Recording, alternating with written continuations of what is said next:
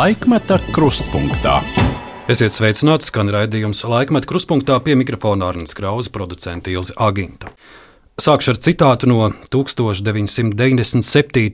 gada laikraksta Diena, kur žurnāliste Ināra Regla ir veidojusi lielāku aprakstu par tā brīža aizsardzības ministru Tālo Junzi, un publikācijas ievadā ir šādi vārdi. Tālavam Juncim bija lemts piedzimt padomju sistēmā un mācītāju ģimenē. Šī sakritība nesolīja vieglas dienas. Tomēr viņš sasniedza salīdzinoši augstus amatus, ko viens skaidro ar milzīgo uzņēmību, bet citi ar iešanu pret savu būtību. Tagad šķiet, ka tālāk Junča politiskajai karjerai varētu traucēt tas ideālisms, kas viņam tika ieaudzināts ģimenē un ar kuru varēja piemēroties atmodas sākuma gadu politiskajai dzīvei, bet ne vairs šodienas politiskajām spēlēm. Citādi beigas. Kā padomju varas represēta mācītāja dēls padomju gados kļuva par prokuratūras darbinieku, bet pēc tam par vienu no tiem, kas balsoja par Latvijas neatkarību un bija neatkarības deklarācijas līdzautors, ko nozīmē kļūt par pirmo aizsardzības ministru pēc neatkarības atgūšanas, kad pa Latvijas zemi vēl bradāja okupanta armijas zābaki, Kāpēc tālos Junkas reiz nolēma pieņemt darbā aizsardzības ministrijā augstā amatā, toreiz gados ļoti jauno ierēdni Edgars Rinkēviču, un kāds ir viņa skats uz šobrīd tik nemierīgajiem pasaules notikumiem? To visu mēs šodien vaicāsim Tālam Juncim. Esiet sveicināti! Sveicināti! Un paldies, ka piekritāt mūsu sarunai. Mēs šodien daudz runāsim par armiju, par mūsu bruņotajiem spēkiem. Jūs bijāt pirmais atjaunotās uh, Latvijas aizsardzības ministrs, un uh, jūs varat novērtēt uh, mūsu bruņoto spēku izaugsmu šo jau vairāk nekā 30 gadu garumā. Ja mēs paraugāmies sabiedrības aptaujas, kur ļaudīm vaicā, kam jūs šodien Latvijā uzticaties, tad uzticības saraksta augšgalā nu jau stabilas pozīcijas pēdējos gados regulāri ieņem mūsu bruņotie spēki. Ļaudis saka, ka viņi tic mūsu armijai, uzticības saraksta lejas galā ir valdība, saima, politiskās partijas. Jūsu skaidrojums, kādēļ mūsu bruņotie spēki ir iemantojuši tautas uzticību? Nu, godīgi sakot, liels pārsteigums tas nav ne Latvijas kontekstā, ne varbūt arī Eiropas kontekstā, jo armijas baznīca tajās valstīs, kur viņi kā Polija, Lietuva ir populāra, nu, parasti vienmēr tajā augšgalā, un tās valdības, tā, un tas liktenis tāds ir, ka viņas ir kaut kur vienmēr zemes, zemgal, zemgalī. Nu, vēl pirms gadiem desmit es raudzījos, armija bija tā pa vidu. Nemaz tajā augšgalā nu, nebija. Lielākoties tomēr vairāk tā kā mm -hmm. uz augšas pusi, bet nu, varbūt dažādi arī satricinājumi. Es domāju, arī tagad varbūt tur kārtējies skandāls atkal kādā iepirkumā, ne tādā. Nu, tas, protams, ietekmē uz laiku, bet katrā ziņā, jebkurā gadījumā, es domāju, tas ir objektīvs vērtējums. Un tajos aizvadītajos 30, no nu, jau var teikt, gados, kopš armija ir attīstījusies, nu, man liekas, ka tas ceļš bijis pareizs. Tā ir integrācija starptautiskās militārās, politiskajās struktūrās, un mēs esam, tā sakot, iekaru, faktiski ieguvuši vai iekarojuši arī tādu nu, popularitāti sabiedroto vidū, ka mūsu tiešām puiši ir centīgi, ka viņi arī pietiekami labi ar laiku sagatavošanas sistēma militārā bija izaugusi tāda, ka mēs varējām jau nu, teiksim, militāri iesaistīties. Lūk, tas viss, protams, dod to, to rezultātu. Un, protams, nu, jācer, ka arī teiksim, tagad īpaši tie lielie budžeta līdzekļi, kas tiek piešķirti, nu, lai viņi tiešām ļoti, ļoti būtu uh, caurspīdīgi, uh, redzami, kā viņi tiek izmantoti un lai viņi aiziet tiešām uh, tiem mērķiem, kā viņi domāti, jo tad, teiksim, tas reitings pamatoti, protams, kritīsies un tās ir liels bēdas, teiktu, ne tik, ne tik daudz pat armijai kā sabiedrībai kā tādai. Redzot visus tos trauksmainos notikumus, kas šobrīd pasaulē notiek, īpaši mums tuvāk tā, protams, ir Ukraina un Krievijas agresija. Cik jūs šobrīd droši jūtaties Latvijā un, un ļaudis arī vaicā, cik mums šobrīd um, droši justies redzot to, to, to visu trakumu, kas notiek? Nu, jāsaka tā, ka tāpat kā es domāju, vairumam Eiropas iedzīvotāju un Latvijas iedzīvotāju, nu, tas bija liels pārsteigums, kas notika Ukrajinā. sakarā ar šo te, tiešām, es teiktu, lielā mērā negaidīto un normālam prātam neatver, neaptveramu agresiju Krievijas Ukrainā.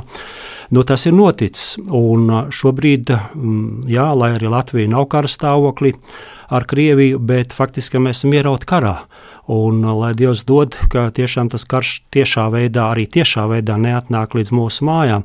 Tāpēc tā drošības sajūta ir tāda ļoti tāda trausla, es teiktu, patreiz trausla.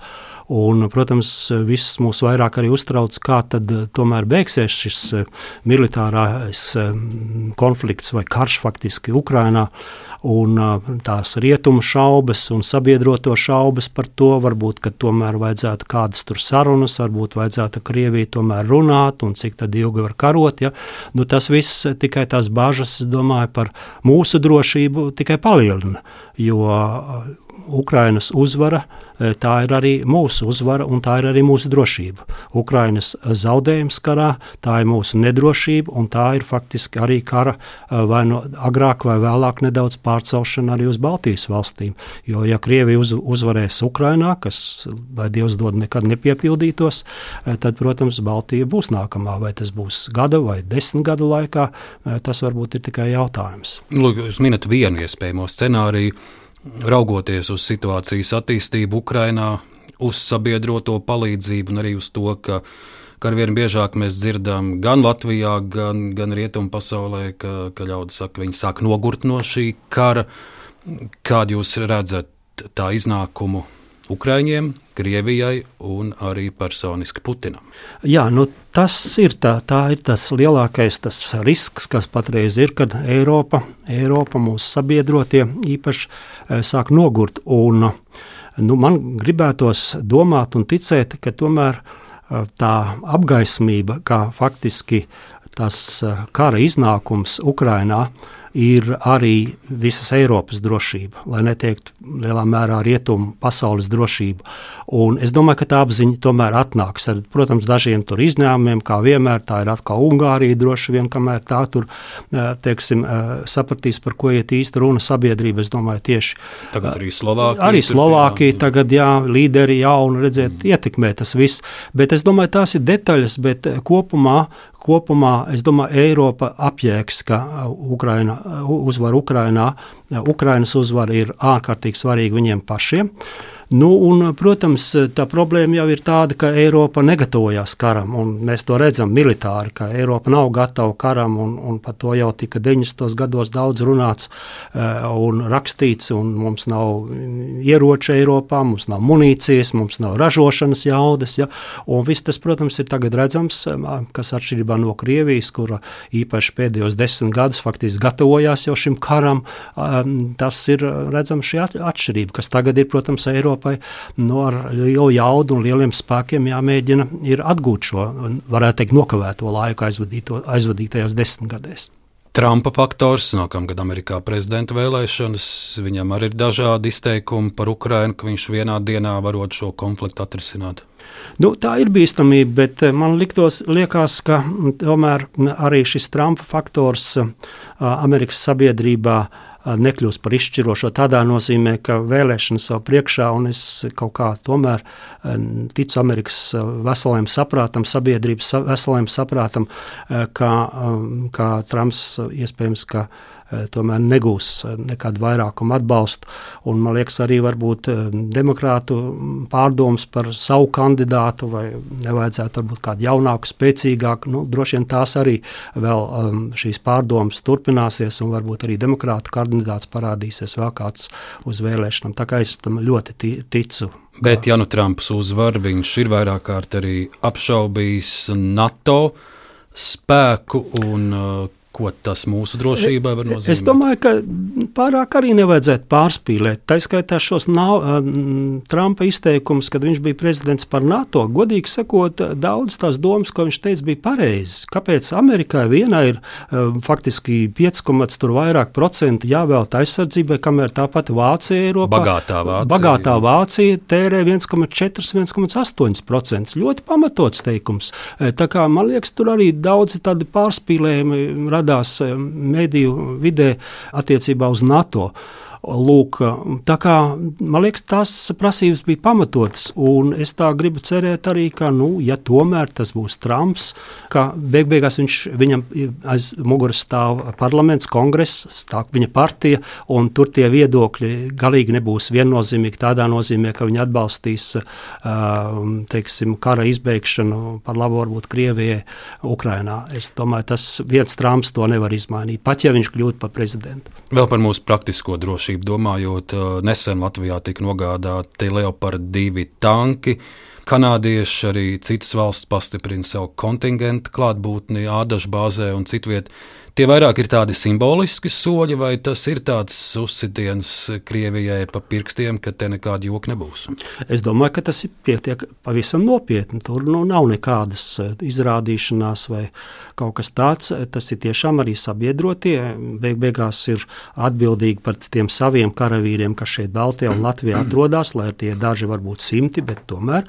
Un sabiedrotie, vai tā ir Kanāda vai citas valstis, eh, tiešām nopietni domā, ja militārais konflikts sāksies ar Krieviju, un to simtprocentīgi izslēgt nevar neviens, lai arī tas varbūt ir šobrīd vēl un tuvākajā nākotnē masticams, bet jābūt tam gatavam. Tā kā tas viss ir ļoti, ļoti nopietni, es domāju, ļoti nopietna gatavošanās. Tā nu ir, ir sākusies, kas varbūt nebija tiešām pirms vēl konflikta Ukrainā, kad nu, tiešām tādiem drusciņ gariem pirkstiem viss tas tika tā kā darīts, tie plāni NATO arī Baltijas valsts, tur tikai pēc paša Baltijas valsts spiediena nu, pamazām tika attīstīta, izstrādāta, kā Baltijas valsts konflikta gadījumā tiks aizsargāts. Bet, godīgi sakot, tā, tā diezgan pavirši. Tagad tas, tā situācija ir nu, teikt, radikāli mainījusies pozitīvā uh, virzienā. Tā skaitā izmainīt šis NATO iepriekšējais plāns, ka nu, tās Baltijas valsts uh, okupē, un pēc tam mēs jau viņus tur dažu mēnešu vai varbūt gada laikā, kas zina, atbrīvosim ar NATO spēkiem. Tagad, tātad, redzot, kas ir noticis Ukrainā, šis plāns ir mainīts mainīts. Tagad tas sekot, viss tiek uh, orientēts to, lai nepieļautu šo uh, iespējamo Krievijas okupāciju Baltijā, ja Krievija kaut ko tādu iedomātos uzsākt. Vēl man arī jautājums par Latvijas sabiedrību. Es saprotu, jūs uh, šobrīd darba gaitas ir arī saistīts ar Daugopili. Ja? Jā. Jūs esat Daugopils un universitātē. Padomas, padomas loceklis. Padomas loceklis. Par Daugopilu un par Reizeknu arī ir mans jautājums. Šajās pašvaldībās vadošos amatos ir, ir cilvēki, kuri savos izteikumos uh, Viņus var dēvēt arī par prokrieviskiem. Kā jūs redzat, eh, kā Latvijas sabiedrība ir sadalījusies šajā Ukraiņas kara jautājumā? Un eh, vai šī prezidenta iniciatīva, ka pašvaldību vadītājiem ir jāsaņem arī pielaide valsts noslēpumam, jo varbūt kāda krīzes gadījuma ir ļoti svarīgi, kas ir pašvaldība priekšgalā, vai, vai šāds prezidenta rosinājums no jūsu puses ir atbalstāms, un, un kā jūs raugaties uz, uz, uz Daugopilu un uz Reizekni? Nu, Pirmkārt, es gribētu tūlīt teikt, ka Latvijā šādi cilvēki ir. Jā, kā jūs minējāt, bet tādi cilvēki ir arī Rīgā, varbūt pat ne mazākā skaitā. Tādi ir atrodami arī citos Latvijas reģionos.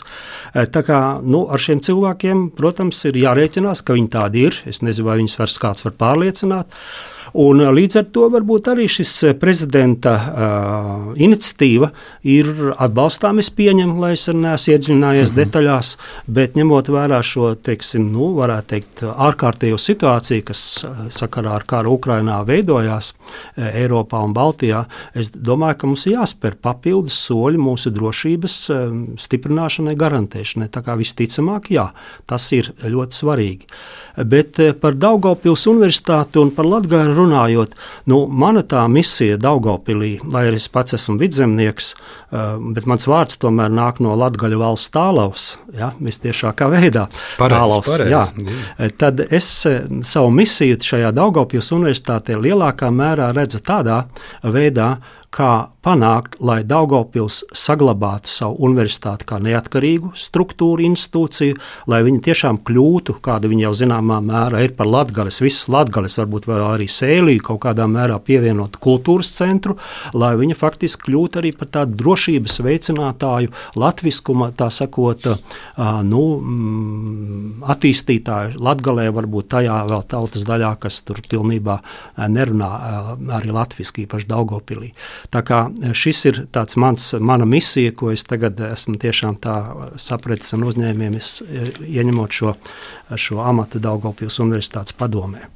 Junčkungs, ja reiz mēs nu, pat pieminējām arī prezidentu Rinkeviču, vai tā ir tiesa, ka jums bija arī sava loma viņa tajos pirmajos uh, ierēģņa karjeras soļos, jo šķiet, ka tieši tas bija jūsu laiks, kad jūs vadījāt aizsardzības ministriju. Un Edgars Rinkevičs, vēl gados jauns ierēdnis, kurš tikai nesen bija pārnācis šeit no Latvijas radio uz aizsardzības ministriju strādāt. Tieši jūs viņu virzījāt par ministrijas valsts sekretāru, lai gan bijusi arī tāda pretestība, ka nu, tomēr pa, par gados jaunu tas, tas ierēdnis. Nu, tā tiešām bija tas laiks, bija tāds, ka Es 1997. gadā, otrreiz stājoties aizsardzības ministra amatā, šī valsts sekretāra vieta bija vakanta. Un Edgars Rinkevičs bija vienkārši tāds palīgs vai padomnieks, kurš nu, jau saņēma viņa mantojumā no iepriekšējā ministra, un mēs ar viņu strādājām. Un tiešām viņam bija kā 25 gadi, jauns puisis, bet es redzēju, cik viņš ir ārkārtīgi uh, tāds cilvēks, kurš domājošs cilvēks, saprātīgi domājošs, realistisks, milzīgām darba spējām, ar ārkārtīgi lielām spējām, lielā ātrumā uztvert ļoti sarežģītas lietas, tā skaitā militārā jomā. Nu, tas man vienkārši fascinēja. Godīgi sakot, tādus cilvēkus pat nezinu, vai es tādu daudz varētu nosaukt, ko es esmu sastapis. Nu, lūk, un tad parādījās jautājums, tiešām, kā jūs sakiet, ko tad tagad iecelt par, par valsts sekretāru. Nu, protams, protams, te atkal strādāja tie mīnusi. Ja? Nu, puisis tikko ar tikko radioknapi pieredzi, faktiski bez kādas pieredzes militārā jomā, bez kāda dienesta, jeb kādos militāros spēkos, padomju armijā vai kādā eh, citā militārā struktūrā. Ja? Un, uh, faktiski tas bija tas, kur, nu, godīgi sakot, neviens pat neskatījās uz viņu kā uz iespējamo valsts sekretāru. Tur bija pukveži bijušie vai esošie um, civili, um, teiksim, kad bija aizgājuši no dienas, kuri vēlējās un kuri pat jau tur konkrēti uzvārdi tika saukt, nu, tam jābūt un to jāieceļ. Un faktiski, godīgi sakot, tiešām nu, nebija īsti neviens tāds, kas tur ministrijā man no klātesošiem atbalstītu, visu tam brīdināja, bet viņš taču ir tik jauns. Un mana pārliecība bija, ka ir jāriskē, ka ir, ir pamats tam. Un tik tiešām par to lēmumu, ko faktiski man vienam nācās izšķirties, un pēc tam arī dzirdēt sākumā daudz, daudz eh, pārmetumu, tad drīz vien jau pēc eh, faktiski dažiem mēnešiem viss tas jau norima un redzēja, ka Rikevičs jā, viņš spēja to darbu veikt. Un es teiktu, tas viens no maniem sakarīgākiem lēmumiem. Un, godīgi sakot, arī sastrādāšanās man ar viņu nu, vienkārši bija ideāla. Ja? Es nezinu, kur, kurš tur vairāk vainīgs, bet man liekas, arī, arī tagad tas, ko dara Rikevičs valsts valsts prezidenta amatā, es tā bieži vien nodomāju, es tieši tāpat būtu darījis. tā kā varbūt mēs viens otru arī esam ietekmējuši kaut kur jau tajos laikos, bet katrā ziņā es domāju, mēs esam ieguvuši vienu ļoti, ļoti izcilu valsts prezidentu. Nu, lūk, mēs dzirdam, ka jums ir bijusi sava loma šī brīža valsts prezidenta Edgara Rinkeviča karjeras izaugsmē. Tad es gribu minēt vēl vienu cilvēku, Valdu Birkau, bijušo ministru prezidentu un arī ārlietu ministru, un šķiet, ka arī viņam ir bijusi sava loma jūsu izvēlē, jūsu dzīves izvēlē kļūt par juristu, jo mācoties skolā, jaunpiebalgā, cik es tā nojaušu, tā varbūt pat pirmā izvēle jums ir bijusi kļūt par mediķi. Un tad bija reize, kad Valds Birkaus viesojās skolā arī kā jurists, un, un, un klausoties viņā,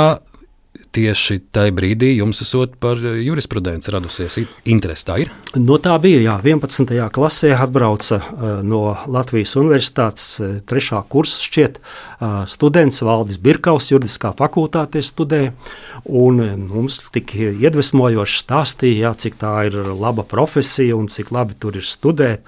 Un, eh, godīgi sakot, es jau to domu biju apsvērs par iespēju studēt jurisprudenci, jo mums arī tur bija dažādas tiesas izspēles vidusskolā, un es tur vienmēr aktīvi piedalījos kā advokāts vai kā prokurors, vienalga. Bet es jau to domu biju noraidījis.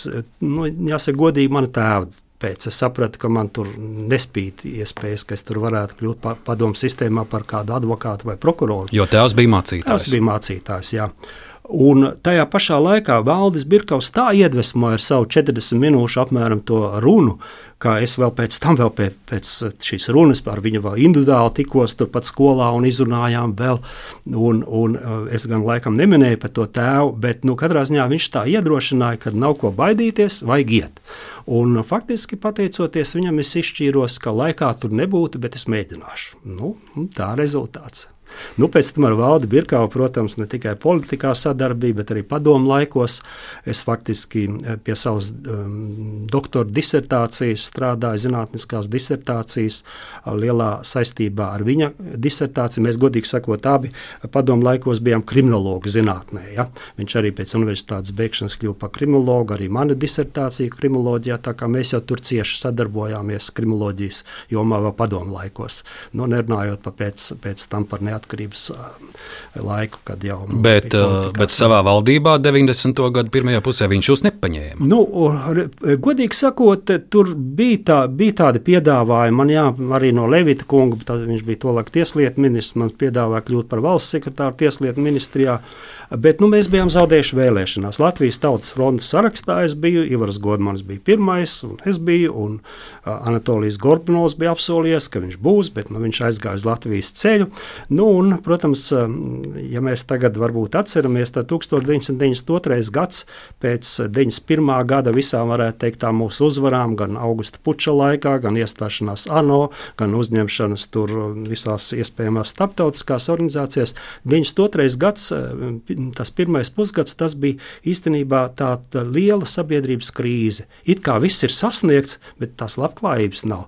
Tie solījumi, ka vīzēs uz, uh, tikai uz neatkarību, bet dzīvosim kaut vai ar vīzēm, staigāsim, tas jau bija aizmirsies ļoti ātri, ja, gada laikā. Un sabiedrības tas, tā neapmierinātība un meklēšana vainīgo, un tautas fronte izrādījās tas lielākais vainīgais, kurš sarakstā arī bija 93. Mm -hmm. gada vēlēšanās. Nu, tas bija tas, kāpēc arī mūs neievēlēja un līdz ar to var saprast, ka valdība veidoja Latvijas ceļu, kurā es nebiju. Par 90. gadiem, par tautas fronti mēs šodien vēl runāsim. Es vēl vēlos palikt pie tiem jūsu skolas gadiem, jaunpiebalgā.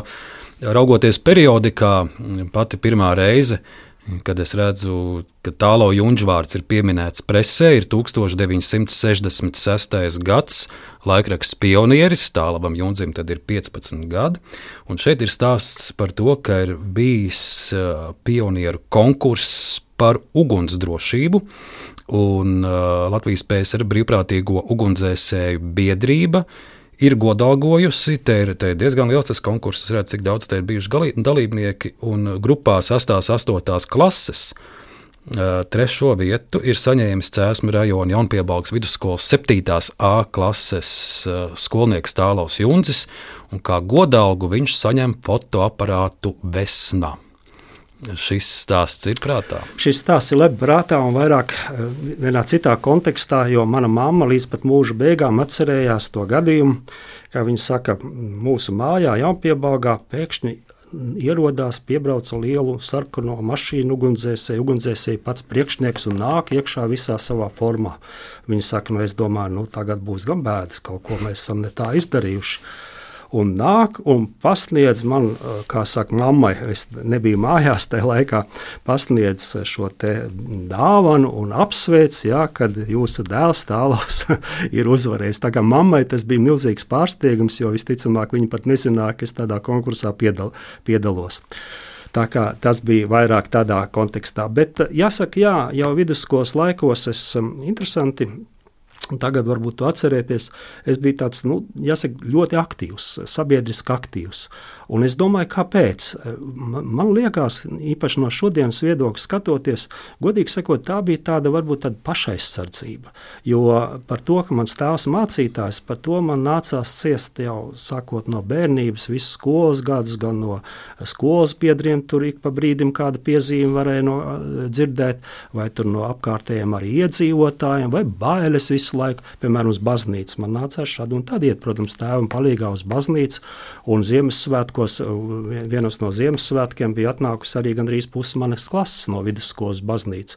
Otrā dienā skolas direktori visu sauc pa vienam, kā saka, uz kafiju, atskaitīties, kā jūs padomu skolēni iedomājaties iet uz baznīcu, bet ne mani kurš arī bija baznīcā. Skolas jā. direktori bija Knāķe. Jā, Astrīda Knāķe, mm -hmm. gods un cieniņa viņai.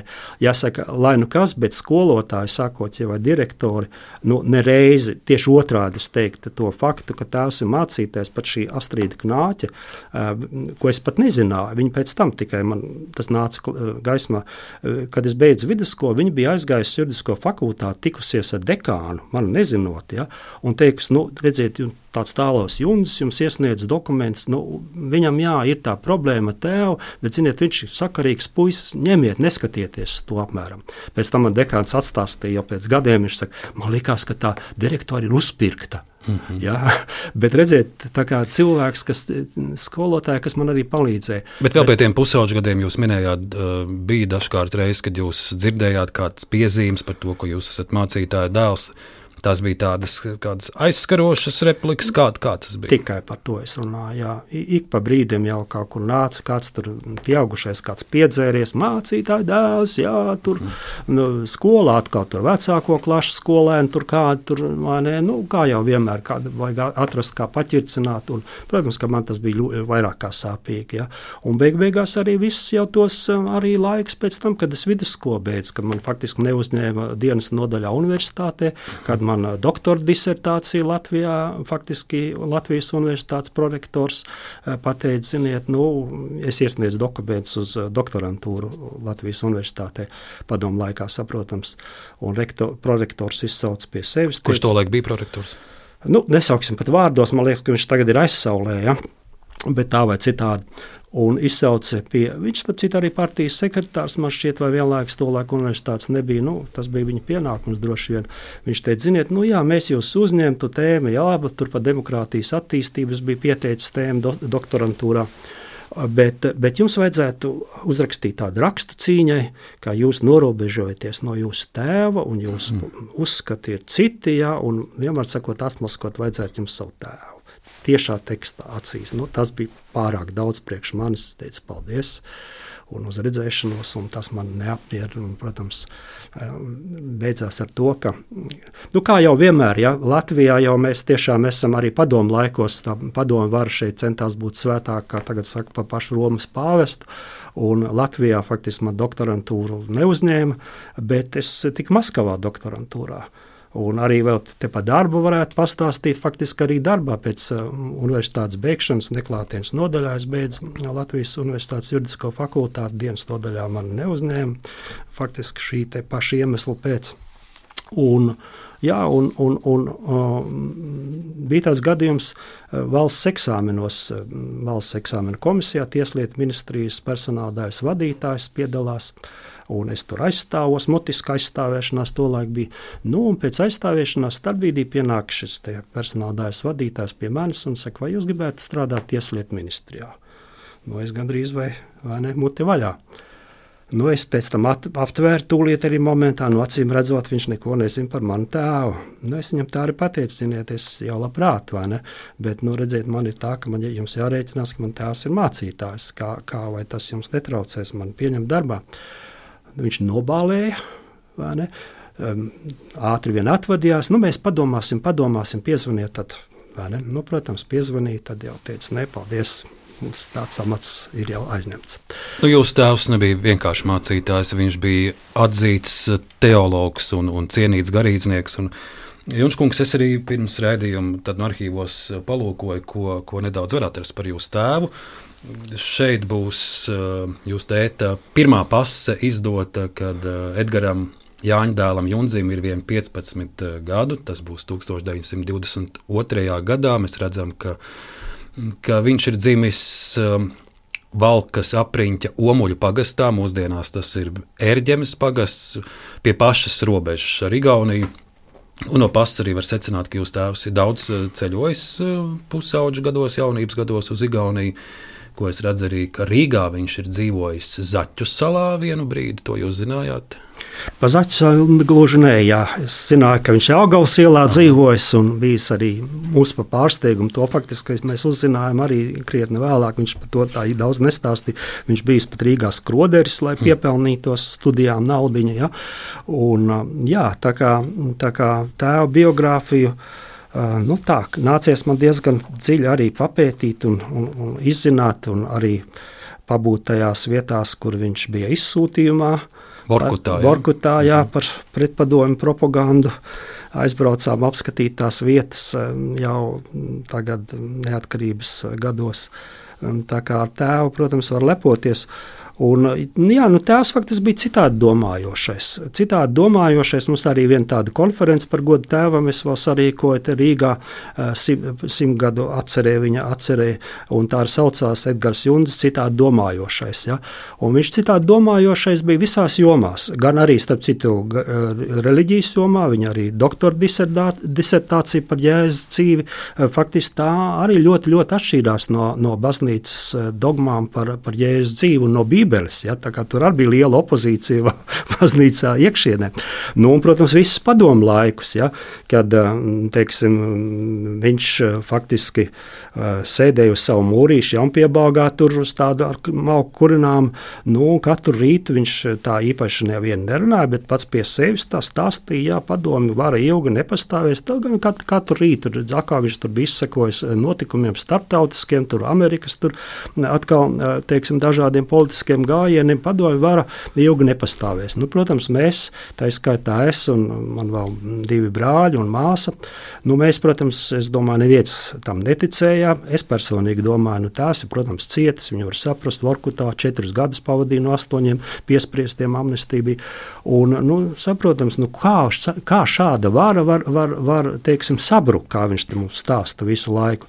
Armija, cik tur mhm. vairāk kā miljons miliči tur iekšļi iekšlietu karaspēks, valsts drošības komiteja. Nu, kā tas var veselo saprātu runājot sabrukt? Ja? Tā kā mē, mums bija tāda mierīga līdzās pastāvēšanās, protams, mēs nekad viņam nerunājām pretī neviens, ja?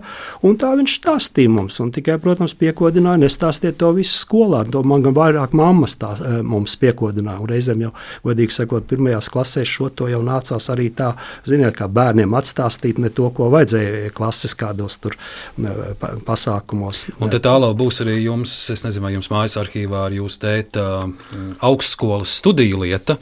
Arhīvā tā ir saglabājusies. Te ir gan viņa pirmais lūgums rektoram uzņemt viņu teoloģijas fakultātē, te būs arī viņas sekmju saraksti un gimnāzijas sekmju saraksti un, un dažādas piezīmes par uh, studiju gaitu. Tā kā tā no šīs dienas Jā. sarunas ar, lai jums paliek par atmiņu par tēvu. Lielas paldies! Jā, mēs esam ar Jaunpiebāgu izdevuši, faktiski viņa pieejama arī bibliotekās visās tāda liela grāmata par Jaunpiebāgas eh, svētā Toma baznīcas mācītājiem, un tur ir liela, liela sadaļa par manu tēvu, ko faktiski lielā mērā es esmu rakstījis, arī Arno Junze ir ja, tur uzrakstījis vienu rakstu, un tur ir daudz dokumentu. Arno Junze uzvārds nedaudz savādāks, bet Arī Arno ir... Junkas ir manas māsas dēls. Tātad Edgars Junkas bija viņa vecāks, ar ko viņš arī daudzas vasaras pavadīja kopā un dažādas filozofiskas runas tur viņiem bieži vien. Kāpēc tas eh, uzvārdu izskaņa atšķiras? Nu, grūti teikt, mainot tur pases un dzim, eh, dzimšanas apliecības, eh, mamma kaut kādā mērā pat ir Junze, Aija Junze. Ja? Nu, varbūt tieksim, tā iemesla pēc arī šis uzvārds tika tādā veidā ierakstīts, vai arī vai, varbūt vienkārši vēlme to, to mācītāju faktoru druskuļi attālināt, jo Edgars Junzis nu, nebija pats populārākais cilvēks to laiku, protams, padomu režīmā. Tāpēc varbūt arī labāk tā druskuļi tālāk vienu burtu no šī uzvārda. Grūti pateikt. Tad nu, jums būs arī jūsu tēta studiju piezīmes. Es skatos, viņam gandrīz visās, visās mācību priekšmetos ir piecinieki, piecinieki, piecinieki. Nu, četrnieks latīņu valodā, bet, bet sekmes visur ļoti labas. Nu, valodām, jā, latīņu valodu viņš man palīdzēja vēl uh, universitātē, kad es studēju juridiskajā fakultātē. Viņš zināja pats sengrieķu valodu, arī pasniedz teoloģijas kursos, zināja angļu valodu, vācu valodu perfekti zināja. Tā kā laikam, kad pieci krievu valodu, protams, arī eh, kad piecas valodas viņš bija iemācījies. Bet tagad eh, tālāk par jūsu pašu studiju un skolas gaitām un par jūsu sekmēm vēl atgriezīšos eh, Jaunpiebalgas vidusskolā. Nākamais būs citāts no laikraksta Padomju Druva, kur izdeva Cēsīs 1968. gads. Un raksta nosaukums ir Zinātkāre Latvijas eh, komjauniešu 17. kongresa delegāti. Tālos Junzis vēl mācās Jaunpiebalgas vidusskolas 9. klasē, gadu viņam maz, pavisam neliels ir arī komjauniešu stāžs, bet tālavam tas netraucē būt aktīvākajam skolas komjaunietim. Tālaus ir puisis ar raksturu, viņš labi apgūst arī to, kas nav paredzēts skolas programmā. Tālaus zināšanas ir daudz plašākas un vispusīgākas. Varbūt tieši te ir atslēga viņa lielajai autoritātei skolēnu vidū, stāsta skolas direktore Biedra Knāķa. Un 9. klasē aktīvi ir visi, tas nenoliedzami ir tālava nopelns. Viņš ir skolas komjaunatnes komitejas loceklis, vada politmasu štābu. Vēl garš apraksts uh, par jūsu gaitām, un lūk, tālāk arī šāda liela bilde, cēsu druvā ar, ar jauno komjaunieti tālavu Junzi šīs laika posms? Nu, tas bija tāds interesants notikums. Un tā mana aktivitātes komjaunatnē, un jā, pirms tam arī pionieru organizācijā, kur faktiski tā pusslepes iestājos bez vecāka zinā, atļaujas. Un pēc tam arī komunistiskajā partijā. Pēc tam arī komunistiskā partijā. Tur gan tēvam es sarakstījos, un viņš man arī, protams, neieteica to darīt, bet mm. tur bija citi iemesli. Tas bija padomju padomu armijas laikos. Bet šeit bija tā, jā, ka faktiski tā mana aktivitāte sabiedriskās, un, protams, bez komjaunas jau viņas nevarēja īstenoties, nu, tā bija tāda pašaizsardzība, lai tomēr es parādītu, ka, ziniet, jā, nu, ir man tēvs, ko jūs par viņu nedomājat, bet, redziet, es esmu, tā sakot, daru to, ko es vēlos darīt, vai ne? Un uh, par jā, dalību uh, komjaunas kongresā tas bija nu, faktiski tāds uh, nu, ļoti, ļoti nopietns pasākums tādā nozīmē, ka tur viss, viss ne, neņēma un nelaida. Un es arī zinu diezgan labi par to visām detaļām, kā arī mani kandidatūru, ko izvirzīja no vidusskolas. Nu, tur bija liels diskusijas, vai, vai tomēr es varu braukt vai ne kā mācītāja dēls. Un te atkal Astrīda Knāķa, kā skolas direktora, nu, es domāju, tas ir viņas nopelns, ka viņa panāca, ka viņa pierādīja, ka ne, tomēr jums Unzīmes jālaiž šo kon kongresu. Nu, jā, kongress man palicis prātā ar vienu lietu. Tas bija VF kultūras namā, kur pirmo reizi bija iespēja dzirdēt uh, tiešā izpildījumā Raimonda Paula Mežrozīti. Jā. 1977. vai 8. gads. Tas man palicis prātā.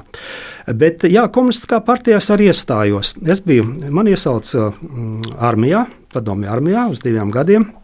Es biju celtniecības bataljonā. Kur Saratova toreiz? Jā, Saratovas apgabalā.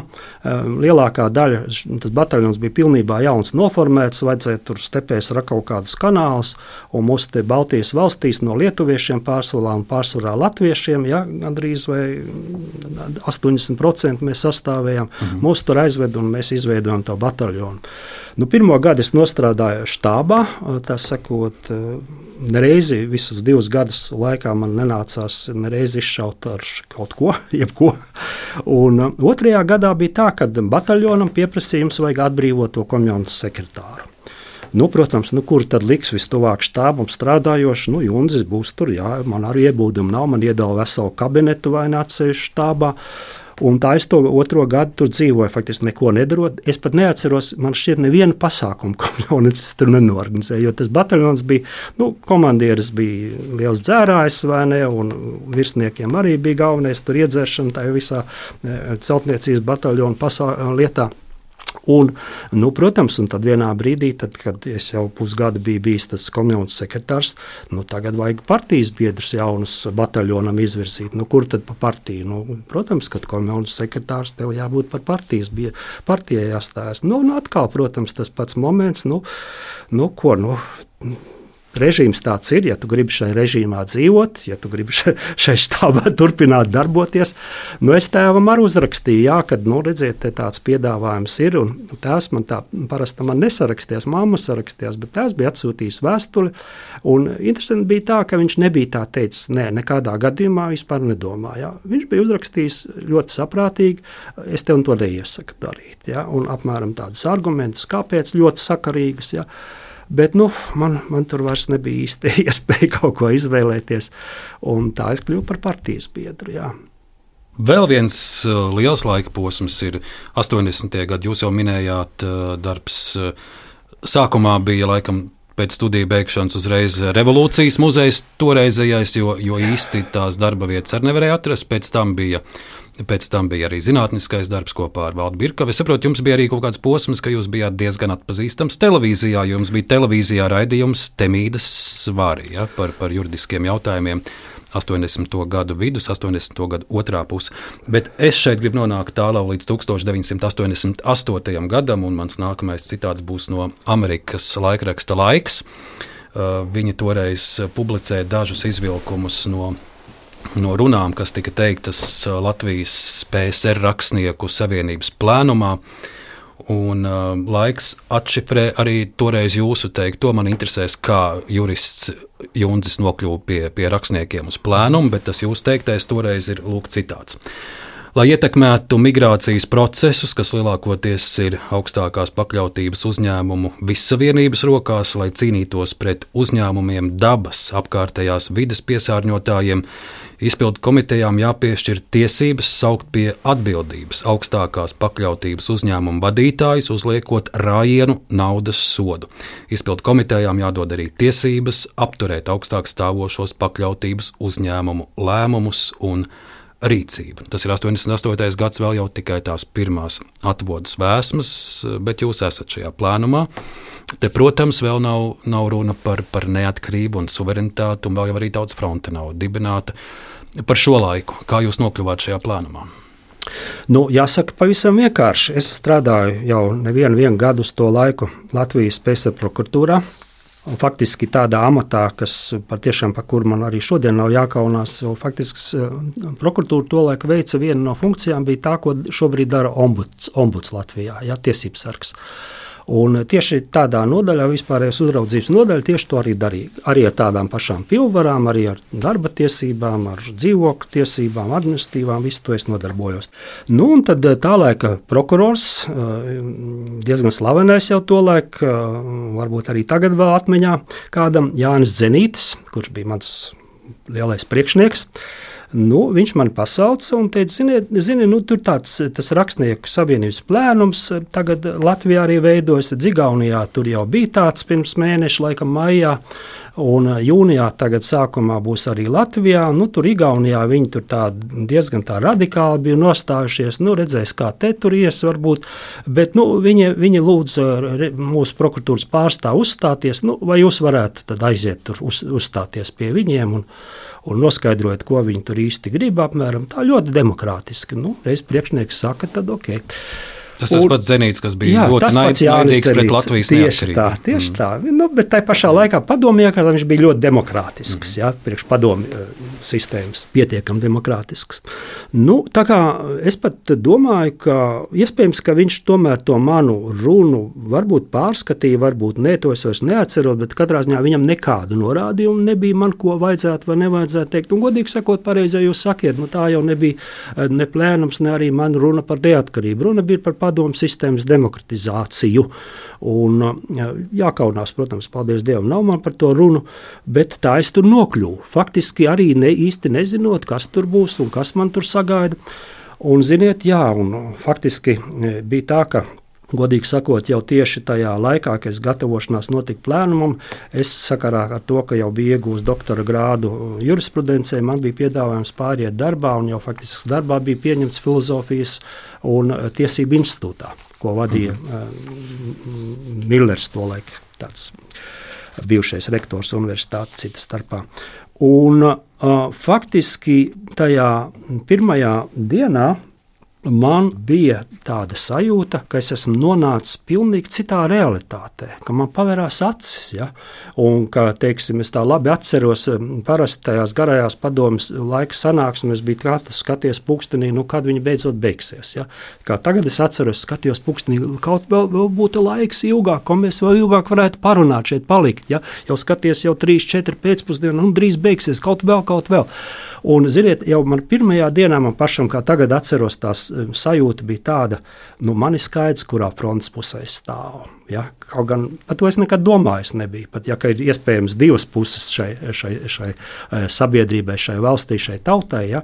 man bija skaits jau pirmā dienā. Un otrā dienā man bija 2. jūnijā plēnums turpinājās, man bija jāiet uz darbu, uz jauno darbu. Un iedomājieties, es pat neaizgāju pirmajā dienā uz darbu jaunu. Es aizgāju uz plēnumu. Ja? Nu, tā, tā, kā, tā, tā bija mana, mana teiksim, uzstāšanās mm, plēnumā.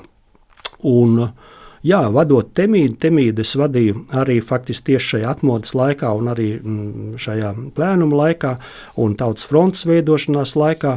Un, godīgi sakot, man bija arī saruna ar Jāni Zenīti. Es eh, arī teiksim, mēģināju viņu pārliecināt par tautas frontes ideāliem. Godīgi sakot, viņš lielā mērā eh, arī programmas projekts jau bija redzams 88. gadā. Zenīts bija iepazinies, un mēs ar viņu pārunājām. Īstenībā, nu, vismaz man viņš teica, ka jā, nu, nav nemaz tik slikti. Un, protams, te var kaut ko tā un tā tūkot, bet viņš principā programmu atbalsta. Nu, un es ar viņu sarunāju, ka jā, tad, teiksim, jaunadē vai kad es jau vairs nebiju prokuratūra to nestrādāju uz to brīdi. Mm -hmm. Ka viņš ir ar mieru temīdā nākt uz mm, Rakstnieku savienības tolēk nama brīvī tajā Barona ielā un arī temīdā pastāstīt, ka nu, tā programma īstenībā, ka tas, kas tur rakstīts par demokrātijas pilnveidošanu, kad principā atbalstāms.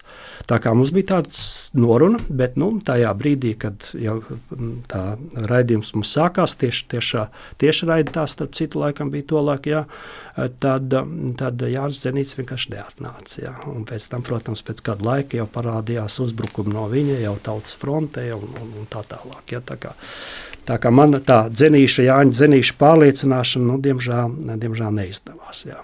Tālāk daudz un trauksmējumi notikumi arī janvāra barikādas. Un, Kā pirmais fragments no Latvijas eh, radiofonotēkas, lai šodien skan raidījums gadsimta griežos, Tā autore Ingrīda Abola, raidījums ierakstīts 94. Eh, gada 23. janvārī, tātad janvāra barikāžu atmiņas vēl diezgan nesenā atmiņā ir, un uh, paklausīsimies uh, šo fragment no 94. gada.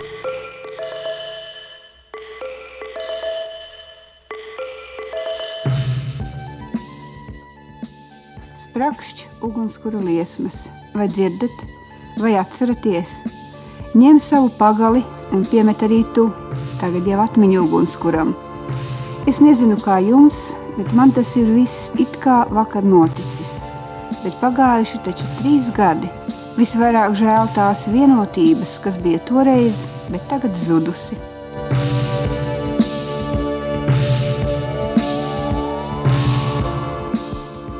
Skan radioprogramma Gadsimta griežos. Ar jums runā Ingrīda Ābola. Šobrīd mēs esam tautas frontē, un arī tās ir īpašas atmiņas. Protams, meža parks, protams, Daugaumala, protams, mītiņi un gājieni, bet, protams, arī 1991. gada janvāra barikāžu dienas.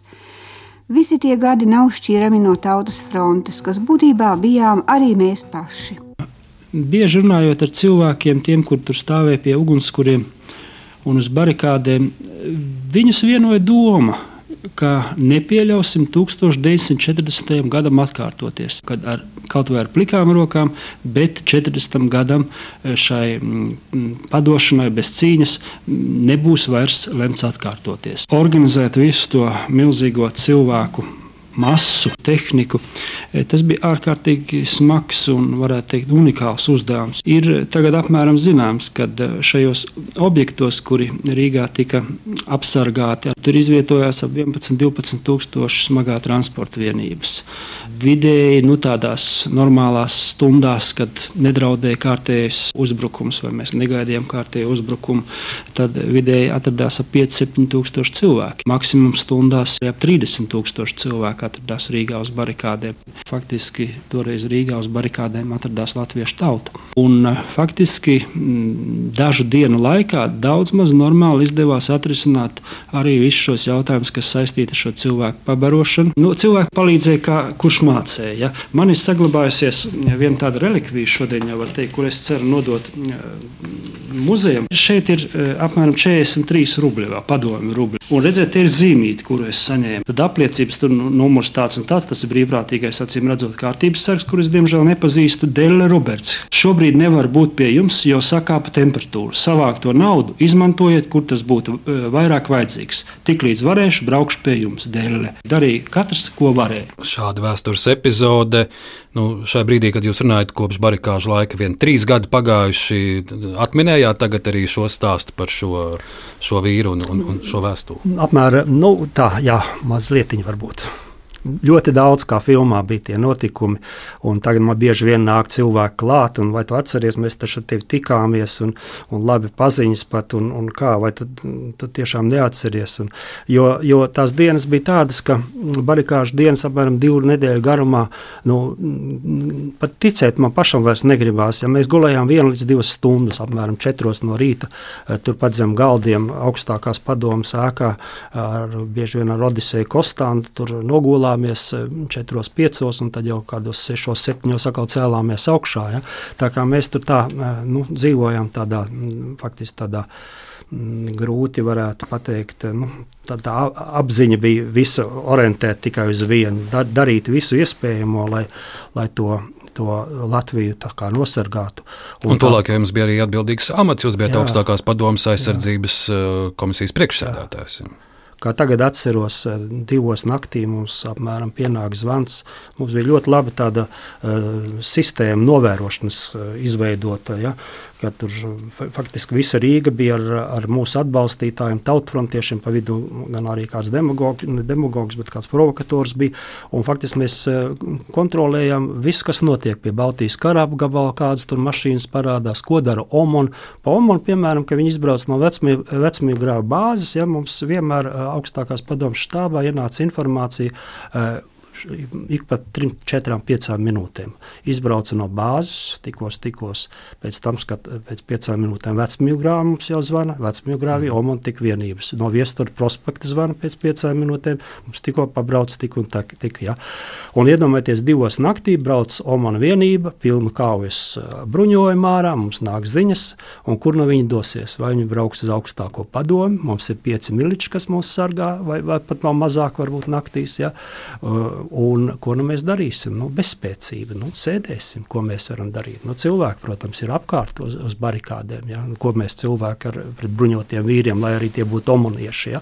Nu, to, to, to nakti viņi aizbrauc uz um, to uh, iekšlietu ministrijas, to, lai pārdaugo esošo milicijas skolu, ko izdemolēja, piekāva tur uh, cilvēkus un kursantus un virsniekus uh, Latvijai uzticīgos. Tā kā, paldies Dievam, ar to beidzās. Ja? Bet, nu, tā kā, tās sajūtas bija visu laiku laiku tādas nu, ļoti, ļoti, ļoti nu, st milzīgas stress. Ne? Bailes nebija to laiku, nezinu kāpēc, ja? bet mm, tāda neomulības sajūta, ka tu esi bezspēcīgs, ka viņi nāks iekšā. Tā pašā 20, arī augustā 21. Ja, kad trako jomanieši domu laukumā ar saviem bruņu transportiem un virzās tagad uz augstāko padomu.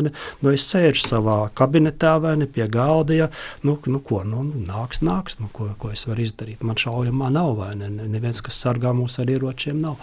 Tāda bezspēcība bija. Tā kā arī faktiski tā bezspēcības sajūta man ir pavadīja, veidojot jau pēc tam armiju. Es sapratu, ka mums vajag to, mums vajag savus bruņotos spēkus. Tālāk es jūs palūgšu atminēties arī tos pašus pirmos soļus, pirmos mēnešus pēc tam, kad augstākā padoma balsoja par uh, neatkarības atjaunošanu. 90. gads vēl uh, tiek veidotas jaunajā valstī daudz struktūras, arī piemēram muitas dienests. Nākamais fragments būs no kino žurnāla Gaismēnas 90. gads Rīgas dokumentālo filmu studija režisors Sārnis Akmeņlauks, operators Dmitrijs Verhostīns. Šeit ir stāsts par to, kā tiek veidot pirmie, piemēram, muitas punkti, un kur šie vīri saka, ka, ka viņiem nav nekā, viņiem nav pat ne, ne formas, ne darba galdi, ir tādas kā kā tur daži saka, gluži vai kā suņa būdas noliktas pie robežu punktiem, tie tie paši pirmie soļi. Un, un šeit mazā fragmentā arī, arī eh, esat dokumentēts jūsu palūkosimies 90. gads. Latvijas Republikas augstākās padomas aizsardzības komisijas priekšsēdētājs Tālaus Junzis. Tikko aizvadīta armijas parāde, kura tika organizēta pilnīgi patvaļīgi bez pilsētas izpildkomitejas piekrišanas. Liecina par to, ka mums ir nekavējoties jārisina jautājums par valsts, Latvijas Republikas valsts robežu veidošanu, nostiprināšanu, apsardzību. Šajā sakarībā augstākā padomē tieši šodien jau tiek pirmajā lapsījumā apspriests likumprojekts par valsts robežu. Un es domāju, ka mums ir svarīgi, lai šī robeža tiktu apsargāta, lai saimnieki būtu mūsu Latvijā, tie, kas šeit ir dzīvojuši un dzīvo. Tātad, kas mums šobrīd tiešām ir? Ir likums par Latvijas Republikas robežu, ir saraksti produkcijai un precēm, kuras pilsoņiem aizliegts izvest, ir 42 muitas posteņi. Jūs jau redzējāt, kādi.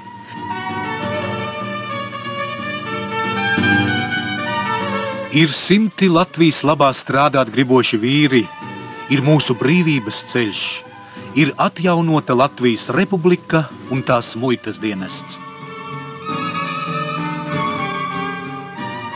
Fragments no kinožurnāla Gaismēnes. Tādi bija tie paši sākumi. Nu, tie sākumi bija tiešām tādi faktiski no pilnīgas nulles. Viss, viss, ko mēs darījām, ne tikai aizsardzības un muitas jomā, visās jomās. Un, mm, es atceros, kā tagad mm, Edmunds Krastīņš tolaik bija ekonomikas komisijas laikam, vadītāja vietnieks. Ja? Tagad viņš saka, e, man jāizstrādā nodokļu likums, bet ne, protams, sociālistiskai, ekonomiskai plā, plānveida sistēmai, bet uh, tirgus ekonomikai nav neviena parauga, ko pamācīties. Viņš saka, es aizgāju uz biblioteku, vienīgais, ko atradu tur, laikam pat poļu valodā par polijas nodokļu sistēmu, kas, protams, arī bija tāda vēl eh, pusē plānveida sistēma. Nu, lūk, tāpat arī ar muitu. Kā tagad atceros, mums bija sanāksmes aizsardzības ministrijā, jo muita eh, sākotnēji un robežsardze veidojas aizsardzības ministrijas sistēmā, un 90. gads tad vēl ministrijas vispār nebija. Bija tikai aizsardzības iekšlietu komisija par šo mm. laiku runājot. Un tad tajās sanāksmēs arī tā, e, vienā no tam sanāksmēm, kā tagad prātā man palicis ir. Uh, Gaidāna, Imants Gaidāna teiktais, viņš bija arī muitas departamentā strādājis to laiku jau. Un viņš saka, tagad mums, mēs uztraucamies par to, uh, ka, lai iespējams neko neizvest no Latvijas lieku produktus, īpaši, kas mums trūka gaļu, sviestu un tā tālāk, ja, bet mums vajadzētu sākt laiks domāt arī par to, kā mēs jau iespējams tuvā nākotnē nodrošināsim, lai Latvijā neko lieku neieved. Ja. Un tad visi bija tādi ļoti izbrīnīti, nu, par ko tu runā. Un faktiski pagāja tikai tiešām varbūt daži 5, 6 gadi, ja, kad mums jau tiešām bija jau, jau, jā, jāveido, jāuztraucās par muitu jau no citas puses skatoties. 90. gada sākumā, kad Jā. jūs pirmoreiz kļuvāt par aizsardzības ministru, tas jau bija laiks, kad Latvijā bija sveša armija, okupācijas armija. Un es saprotu, jūs arī piedalījāties eh, tajās vismaz daļā no sarunām par Krievijas armijas izvešanu no Latvijas. Jā, nu, es kļuvu par aizsardzības ministru 1991. gada jā, novembrī, pēc jau augusta puča, protams.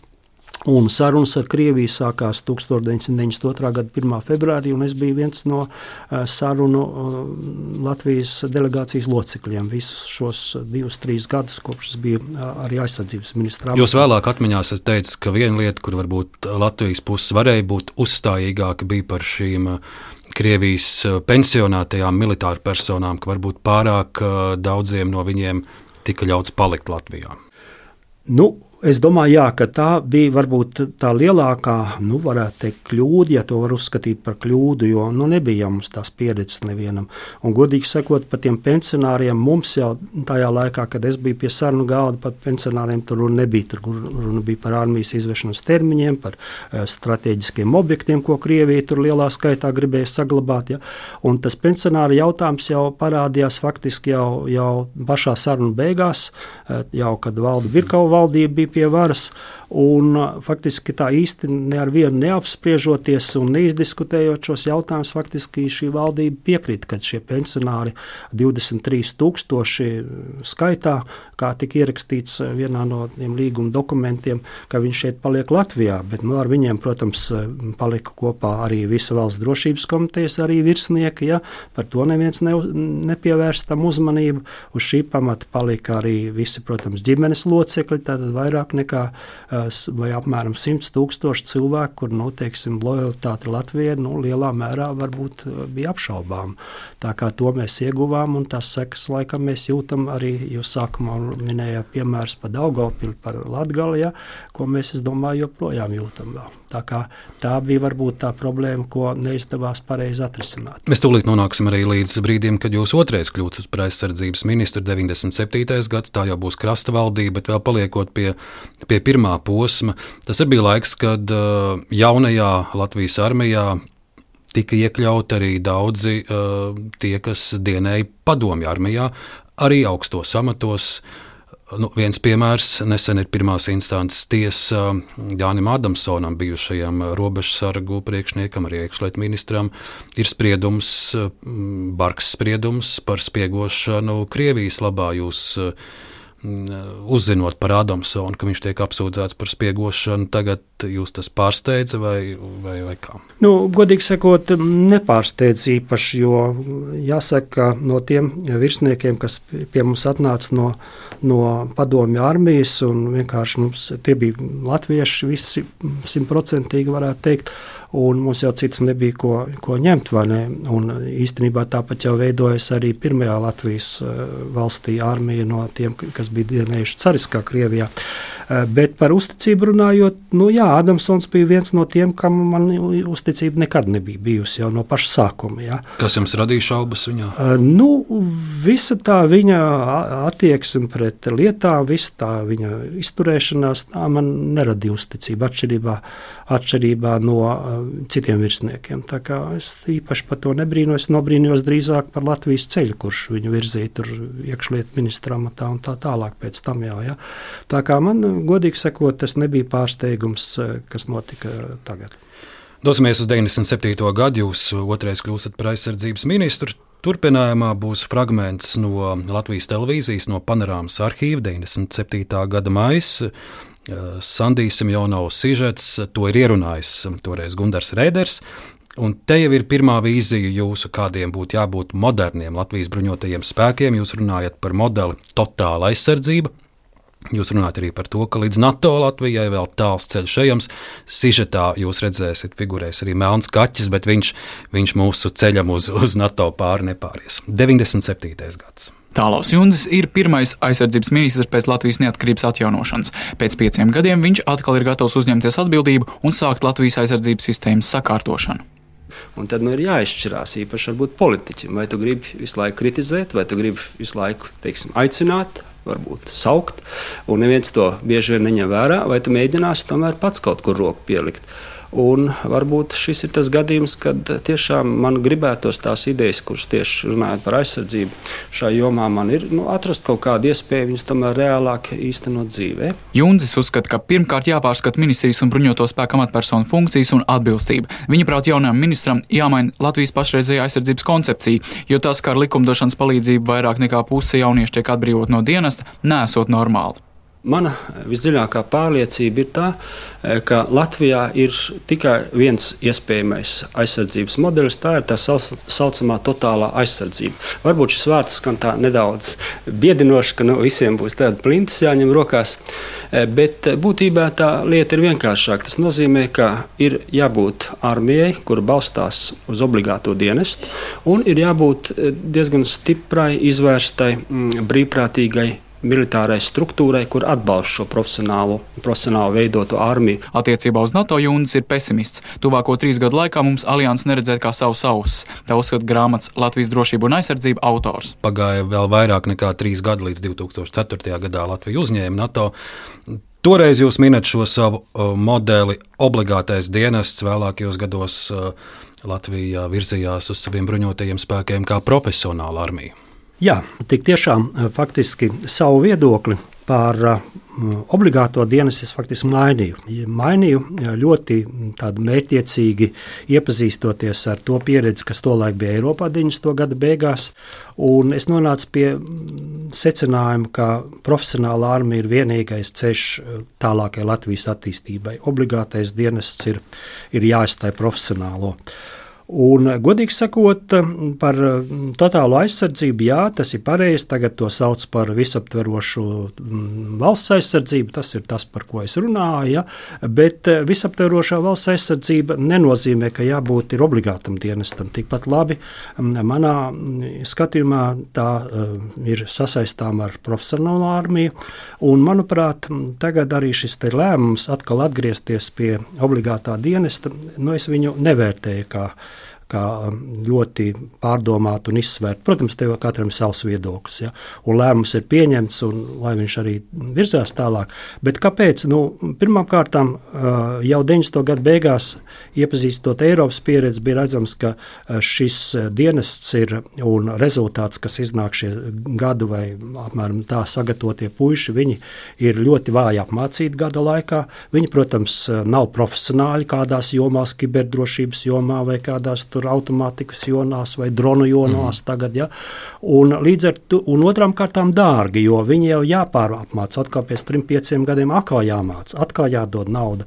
Un iedomājieties tagad, ja mēs Latvijā nu, arī sagatavosim uh, obligātajā dienestā, tagad, kad 500 cilvēki, nu, tūkstots uh, varbūt gada laikā, pat ja mēs sagatavotu, ja, tad iedomājieties, desmit gados mēs sagatavosim, nu, labi, ja viens desmit tūkstoši, tas ļoti optimistiski. Un ko tad mēs tam desmit tūkstošiem, nu, tādas Eh, vīrus, kas prot ar automātu rīkoties, mēs sūtīsim pret to Krievu armiju 200 tūkstoši vai 400 tūkstoši, kas karo tagad Ukrainā. Ja? Tātad vai nebūtu labāk šo naudu ieguldīt, lai mēs sagatavotu tiešām eh, speciālistus, kas prot vadīt dronus, kas prot vadīt pašgājēji eh, dažādas tur, militārās sistēmas, varbūt lidotājus ar laiku un tā tālāk. Tā kā tas mans viedoklis, pie kā es joprojām palieku. Vēl viens tās no 97. gada jums, protams, jādodas uz valdību un jāizstāv Latvijas armijas Latvijas budžets. 97. gadā Latvijas bruņoto spēku budžets ir mazākais no Eiropas valstīm. Tas ir divreiz mazāks pat nekā Lietuvai un Igaunijai. Un tolaik pat no premjera krasta izskan iespēja, ka ir jāsamazina mūsu armijas skaitliskais sastāvs. Lai ir fragments no 97. gada decembra, par Latvijas armijas budžetu. Sižeta autors ir Arnis Krause, kā izrādās. Paklausīsimies! Latvijas aizsardzības spēku budžets jau otro gadu ir nemainīgs - 0,67% no nacionālā koprodukta. Tas ir ne tikai mazākais Eiropā, bet arī divreiz mazāks nekā Lietuvā un Igaunijā. Šodien īpašā valdības sēdē tika lemts, ka lielāku naudas summu armijai varētu piešķirt tikai 99. gadā. Kur armijai ņemt naudu? Tas nozīmē, ka kādam jāņem nost un jādod armijai. Es tikai varētu jautāt, kur teiksim, Igauni atrod divreiz gandrīz vairāk, kur lietuvieši. Nu, acīm redzot, tiešām jābrauc un jāapstāsta pie viņiem, mūsu finansistiem, varbūt, ja vajadzīgs kopā, protams, ar aizsardzības speciālistiem. Eh, tā kā mums jau pieredze ir apkārt, kā viņa valstīs. Ministru prezidents Gunārs Krasts šodien pauda uzskatu, ka šobrīd piešķirt lielāku naudu armijai nav racionāli, jo tā faktiski pazust. Krasts pieprasīs veikt straujākas reformas armijā un izvērtēt katra militāra objekta nepieciešamību. Premjerministrs saka, ka vairāk armijai naudu nevajag dot. Šajā pašā valdības sēdē tā brīža prezidents Guns Ulmans arī, arī saka šādus vārdus: Mēs neesam spējuši pārliecināt savu sabiedrību, ka ir jāiegulda līdzekļi bruņotajos spēkos. Nu, taisnība ir abās pusēs. Un tas, ka nauda, protams, infrastruktūrai, ieročiem, kaut munīcijai minimālai vajadzīga, nu, valdība nesaskatīja un premjerministrs to laiku. Bet eh, tas, ka eh, tas cilvēku skaits armijā bija pārāk liels, ko Gunārs Krasts šai sižetā min, eh, tur es piekrītu. Un, godīgi sakot, tas bija viens no mūsu tāds, varbūt nesaskaņa avotiem arī ar tā laika bruņoto spēku komandieri, kuram es teicu, nu, samazina uz pusi savus spēkus. Nu, nav jēga uzturēt tā sekot pie dzīvības armiju, kura nav apģērbta, kur nav pēdas, kur nav normāli netiek apmācīta, jo tam nav naudas. Viss tas prasa naudu. Ja. Un jūsu nu, laikā komandieris bija? Juris Dābiņš, jā. Mm -hmm. Un uh, Juris Dābiņš kategoriski tas bija mums gandrīz katru nedēļu šis sarunu tēma, vai ne? Juris Dābiņš, viņa viedoklis bija nē, nekādā gadījumā, kā, kā tad pēc tam mēs atkal atjaunosim, un ar laiku tomēr vajadzēs atjaunot. Saka, nu, kad būs uh, tā nauda, tad mēs atjaunosim. Nu, kāda tur problēma? Nē, nē, nē, mēs nevaram samazināt. Nu, lūk, tā kā ne, tur bija taisnība, kad nevajadzēja tik lielu skaitu, lai arī viņš nebija tur daži tūkstoši tikai liels, bet viņi tīri labi varēja samazināt vēl pusi. Un tad būtu gan armijas prestižs, gan tā nauda ekonomiskāk iztērēta, gan viss tas būtu.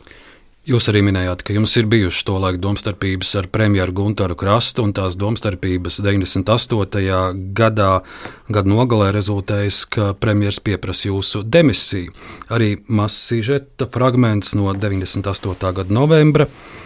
Un, uh, lai, lai ļaudis šodien atcerās, tas, tas formālais demisijas iemesls bija tā sauktais uh, Jūra Ehmaņa dzīvokļu skandāls. Viņš tolaik arī bija uh, bruņoto spēku komandieris. Ja, Paklausīsimies, lai mēs šo laiku atsauktu arī atmiņā, kas tur toreiz notika. Tālos Junzis, kurš aizsardzības ministra krēslā pabija 18 mēnešus, otrdien bija spiests to atbrīvot. Junzis stāsta, ka premjeras lēmums viņam bijis pārsteigums, un vēl pirms nedēļas notikusī saruna ar krastu par šādu notikumu pavērsienu nav liecinājusi. Jau dažas dienas pēc Junģa atstādināšanas krasts devās pie cēsu zemesargiem, lai uzklausītu viņu domas par notiekošo bruņotajos spēkos un saņemtu atbalstu armijas vadības atstādināšanā. Zemesārgi tieši un skaidri paziņoja, ka arī viņu mērs bija pilns, jo, piemēram, Jūra Eikmaņa dzīvokļa remontam iztērētā nauda pietiktu, lai pilnībā uzšūtu formas vismaz divu bataljonu zemesargiem. Savu lēmumu tikai pāris nedēļas pirms šīs valdības darba beigām atbrīvot no amata tālo Junzi, Krasts skaidroja šādi. Aizsardzības ministrs faktiski negūda kontroli pār, pār militāriem spēkiem. Faktiski nepastāvēja tā saucamā civilās, pilna civilā kontrole pār militāro sektoru. Un tas mani gal galā bija jau nogurdinājis. Tālāk premjerministrs saka, ka viņa nogurdinājusi ir fakts, ka aizsardzības ministrs ir zaudējis kontroli pār, pār saviem bruņotajiem spēkiem. Nu jā, tas pirmkārt Ekmans bija zemesardzes komandieris un tieši pakļāvās bruņoto spēku komandierim Jurim Daubiņam. Ja? Mm. Tā kā tas, ka šis dzīvokļu Mm, remontēšana pa valsts līdzekļiem bija notikusi. Tas tiešām man nebija zināms. Un, uh, tas tika, protams, arī rūpīgi slēpts, acīm redzot, no manis.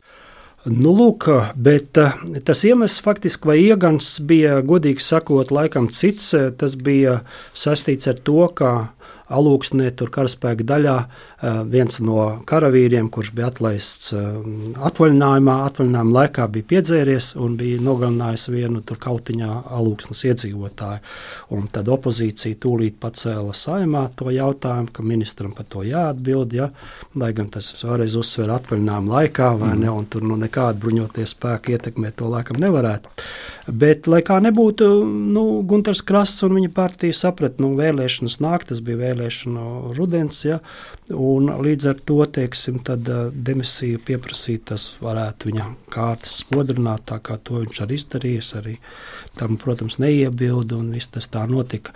Bet, jā, par, par Ekmaņu šo dzīvokli, protams, ja es būtu to uzzinājis, tā reakcija būtu ļoti kategoriska, tā, tad mēs mazāko šaubu par to uh, ne, nav bet uh, noslēpts tika jā, tas no manis, diemžēl. Un Junčkungs, pēdējais fragments šodien, lai izskan arī no panorāmas arhīva, tam šogad apritēs jau 20 gadi. Tas būs fragments no 2003. gada kolēģis Odītas Krembergas sižeta, kur Tiek skaidrots, kā vērtēt uh, mūsu bruņoto spēku karavīru sūtīšanu uz dažādām starptautiskajām misijām.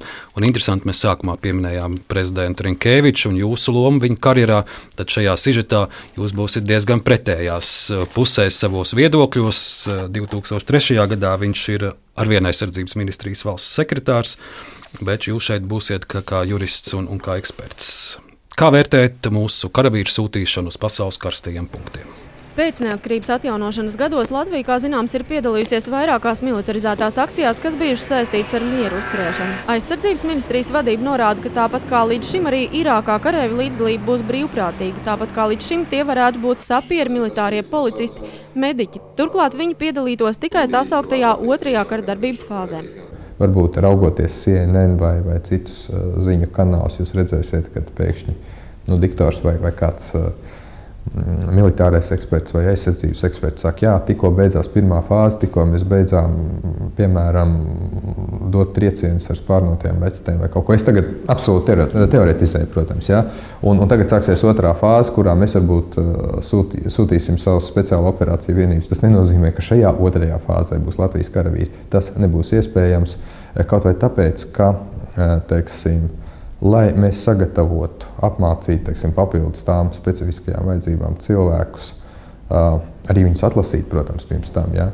mums ir nepieciešams laiks, un šis laiks minimums, minimums teiksim, varētu būt nu, pusotrs, divi mēneši teiksim, pie visiem atrisinātiem jautājumiem. To, ka līdzdalība karā pret Irāku tomēr ļoti būtiski atšķirsies no līdzinējām mieru uzturēšanas misijām, uzskata militārās jomas eksperts, starptautisko tiesību speciālists un bijušais aizsardzības ministrs Tālaus Junzis. Viņa prāt, Latvija pirmo reizi kļūs par vienā frontes pusē karojošu agresoru valsti.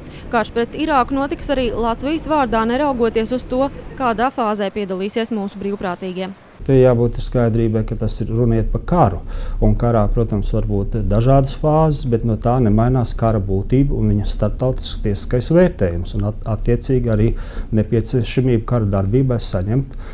Nu, kā tas ir noteikts ANO statūtos, saņemt attiecīgi ANO drošības padomus sankciju. Citu ceļu vienkārši nav. Nu, arī tāds mazs ieskats pamatā jau tas stāsts ir par karu Irākā, kur arī Latvijas karavīri zaudēja savas dzīvības. Nu, Pirmkārt, es domāju, šeit nav nekādas pretrunas ar to, ko saka Edgars Rinkevičs un ko es. Mēs vienkārši runājam par dažādām lietām.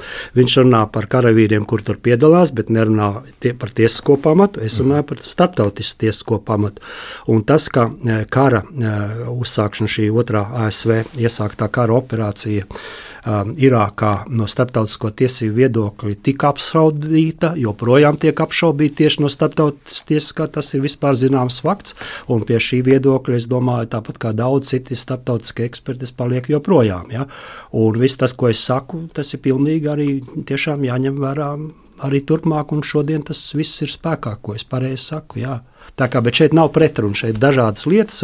Es tāpēc brīnījos, jūs pieteicāt, ka es esmu iebildes pret mūsu karavīru dalību starptautiskās operācijās. Ne, nu, jūs no juridiskā jā. vērtējat. Tieši otrādi, teiksim, jā. Bosnijā es pats, mm -hmm. būdams ministrs, apmeklēju mūsu karavīrus, un tā bija kolosāla tā pieredze? Tajos starptautiskās operācijas, eh, kas, kas notika ANO ietvaros lielākoties. Ja? Tas, ir, tas ir cits pilnīgi gadījums nekā karš Irākā, kurš īstenībā notika bez, lai kā tur varbūt Eh, brīžiem daži eksperti arī citādas viedokļas neizteikt. Tas faktiski notika bez ANO mandāta, pārkāpjot apvienoto nāciju organizācijas statūtus. Nu, lūk, Junčkungs, mēs esam eh, šī raidījuma gaitā tikai dažām lietām pieskārušies no tā, ko, ko jūs esat pieredzējis un kas ir bijis. Mēs sākām ar drošību. Es sarunas noslēgumu arī vēlētos, lai jūs mūsu klausītājiem teiktu kādus tādus iedrošinošus vārdus šajā ļoti nemierīgajā laikā pasaulē? Nu, iedrošinājušie vārdi tādi, lai kā mums tur neietu tagad rietumiem un arī līdz ar to Latvijai ar to palīdzību Ukraiņā karā pret Krieviju. Es domāju, ka pilnīgi noteikti tomēr mēs varam paļauties, ka NATO palīdzība Ukraiņai palīdzēs uzvarēt. Kaut vai viena tā iemesla pēc. Amerikas eh, Savienoto Valstu budžets, ja mēs paņemam abso, absolūtos skaitļos, salīdzinām ar Krievijas budžetu, ir apmēram 80 reizes lielāks. Ja? Nu, tā, tā, tā ir milzīga nauda, eh, kas ir vienai Amerikas Savienotām valstī, kā NATO galvenajai varbūt dalību valstī. Un, protams, nerunājot par Eiropas valstīm, kuras arī strauji palielina savu militāro budžetu, savu militāro industriju. Un es domāju, ka vienkārši Krievija agri vai vēlu viņa, viņa nespēs šajā šajās sacensībās uzvarēt un līdz ar to zaudēs karu Ukrajinā.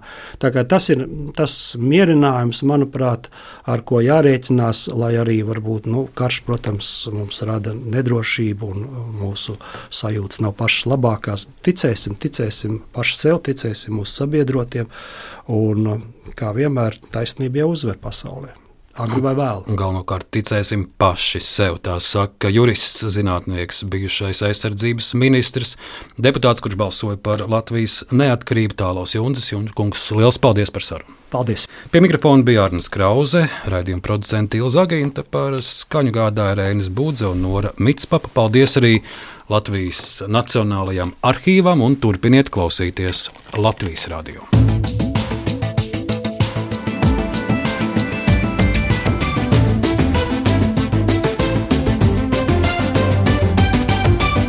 Laikmeta krustpunktā.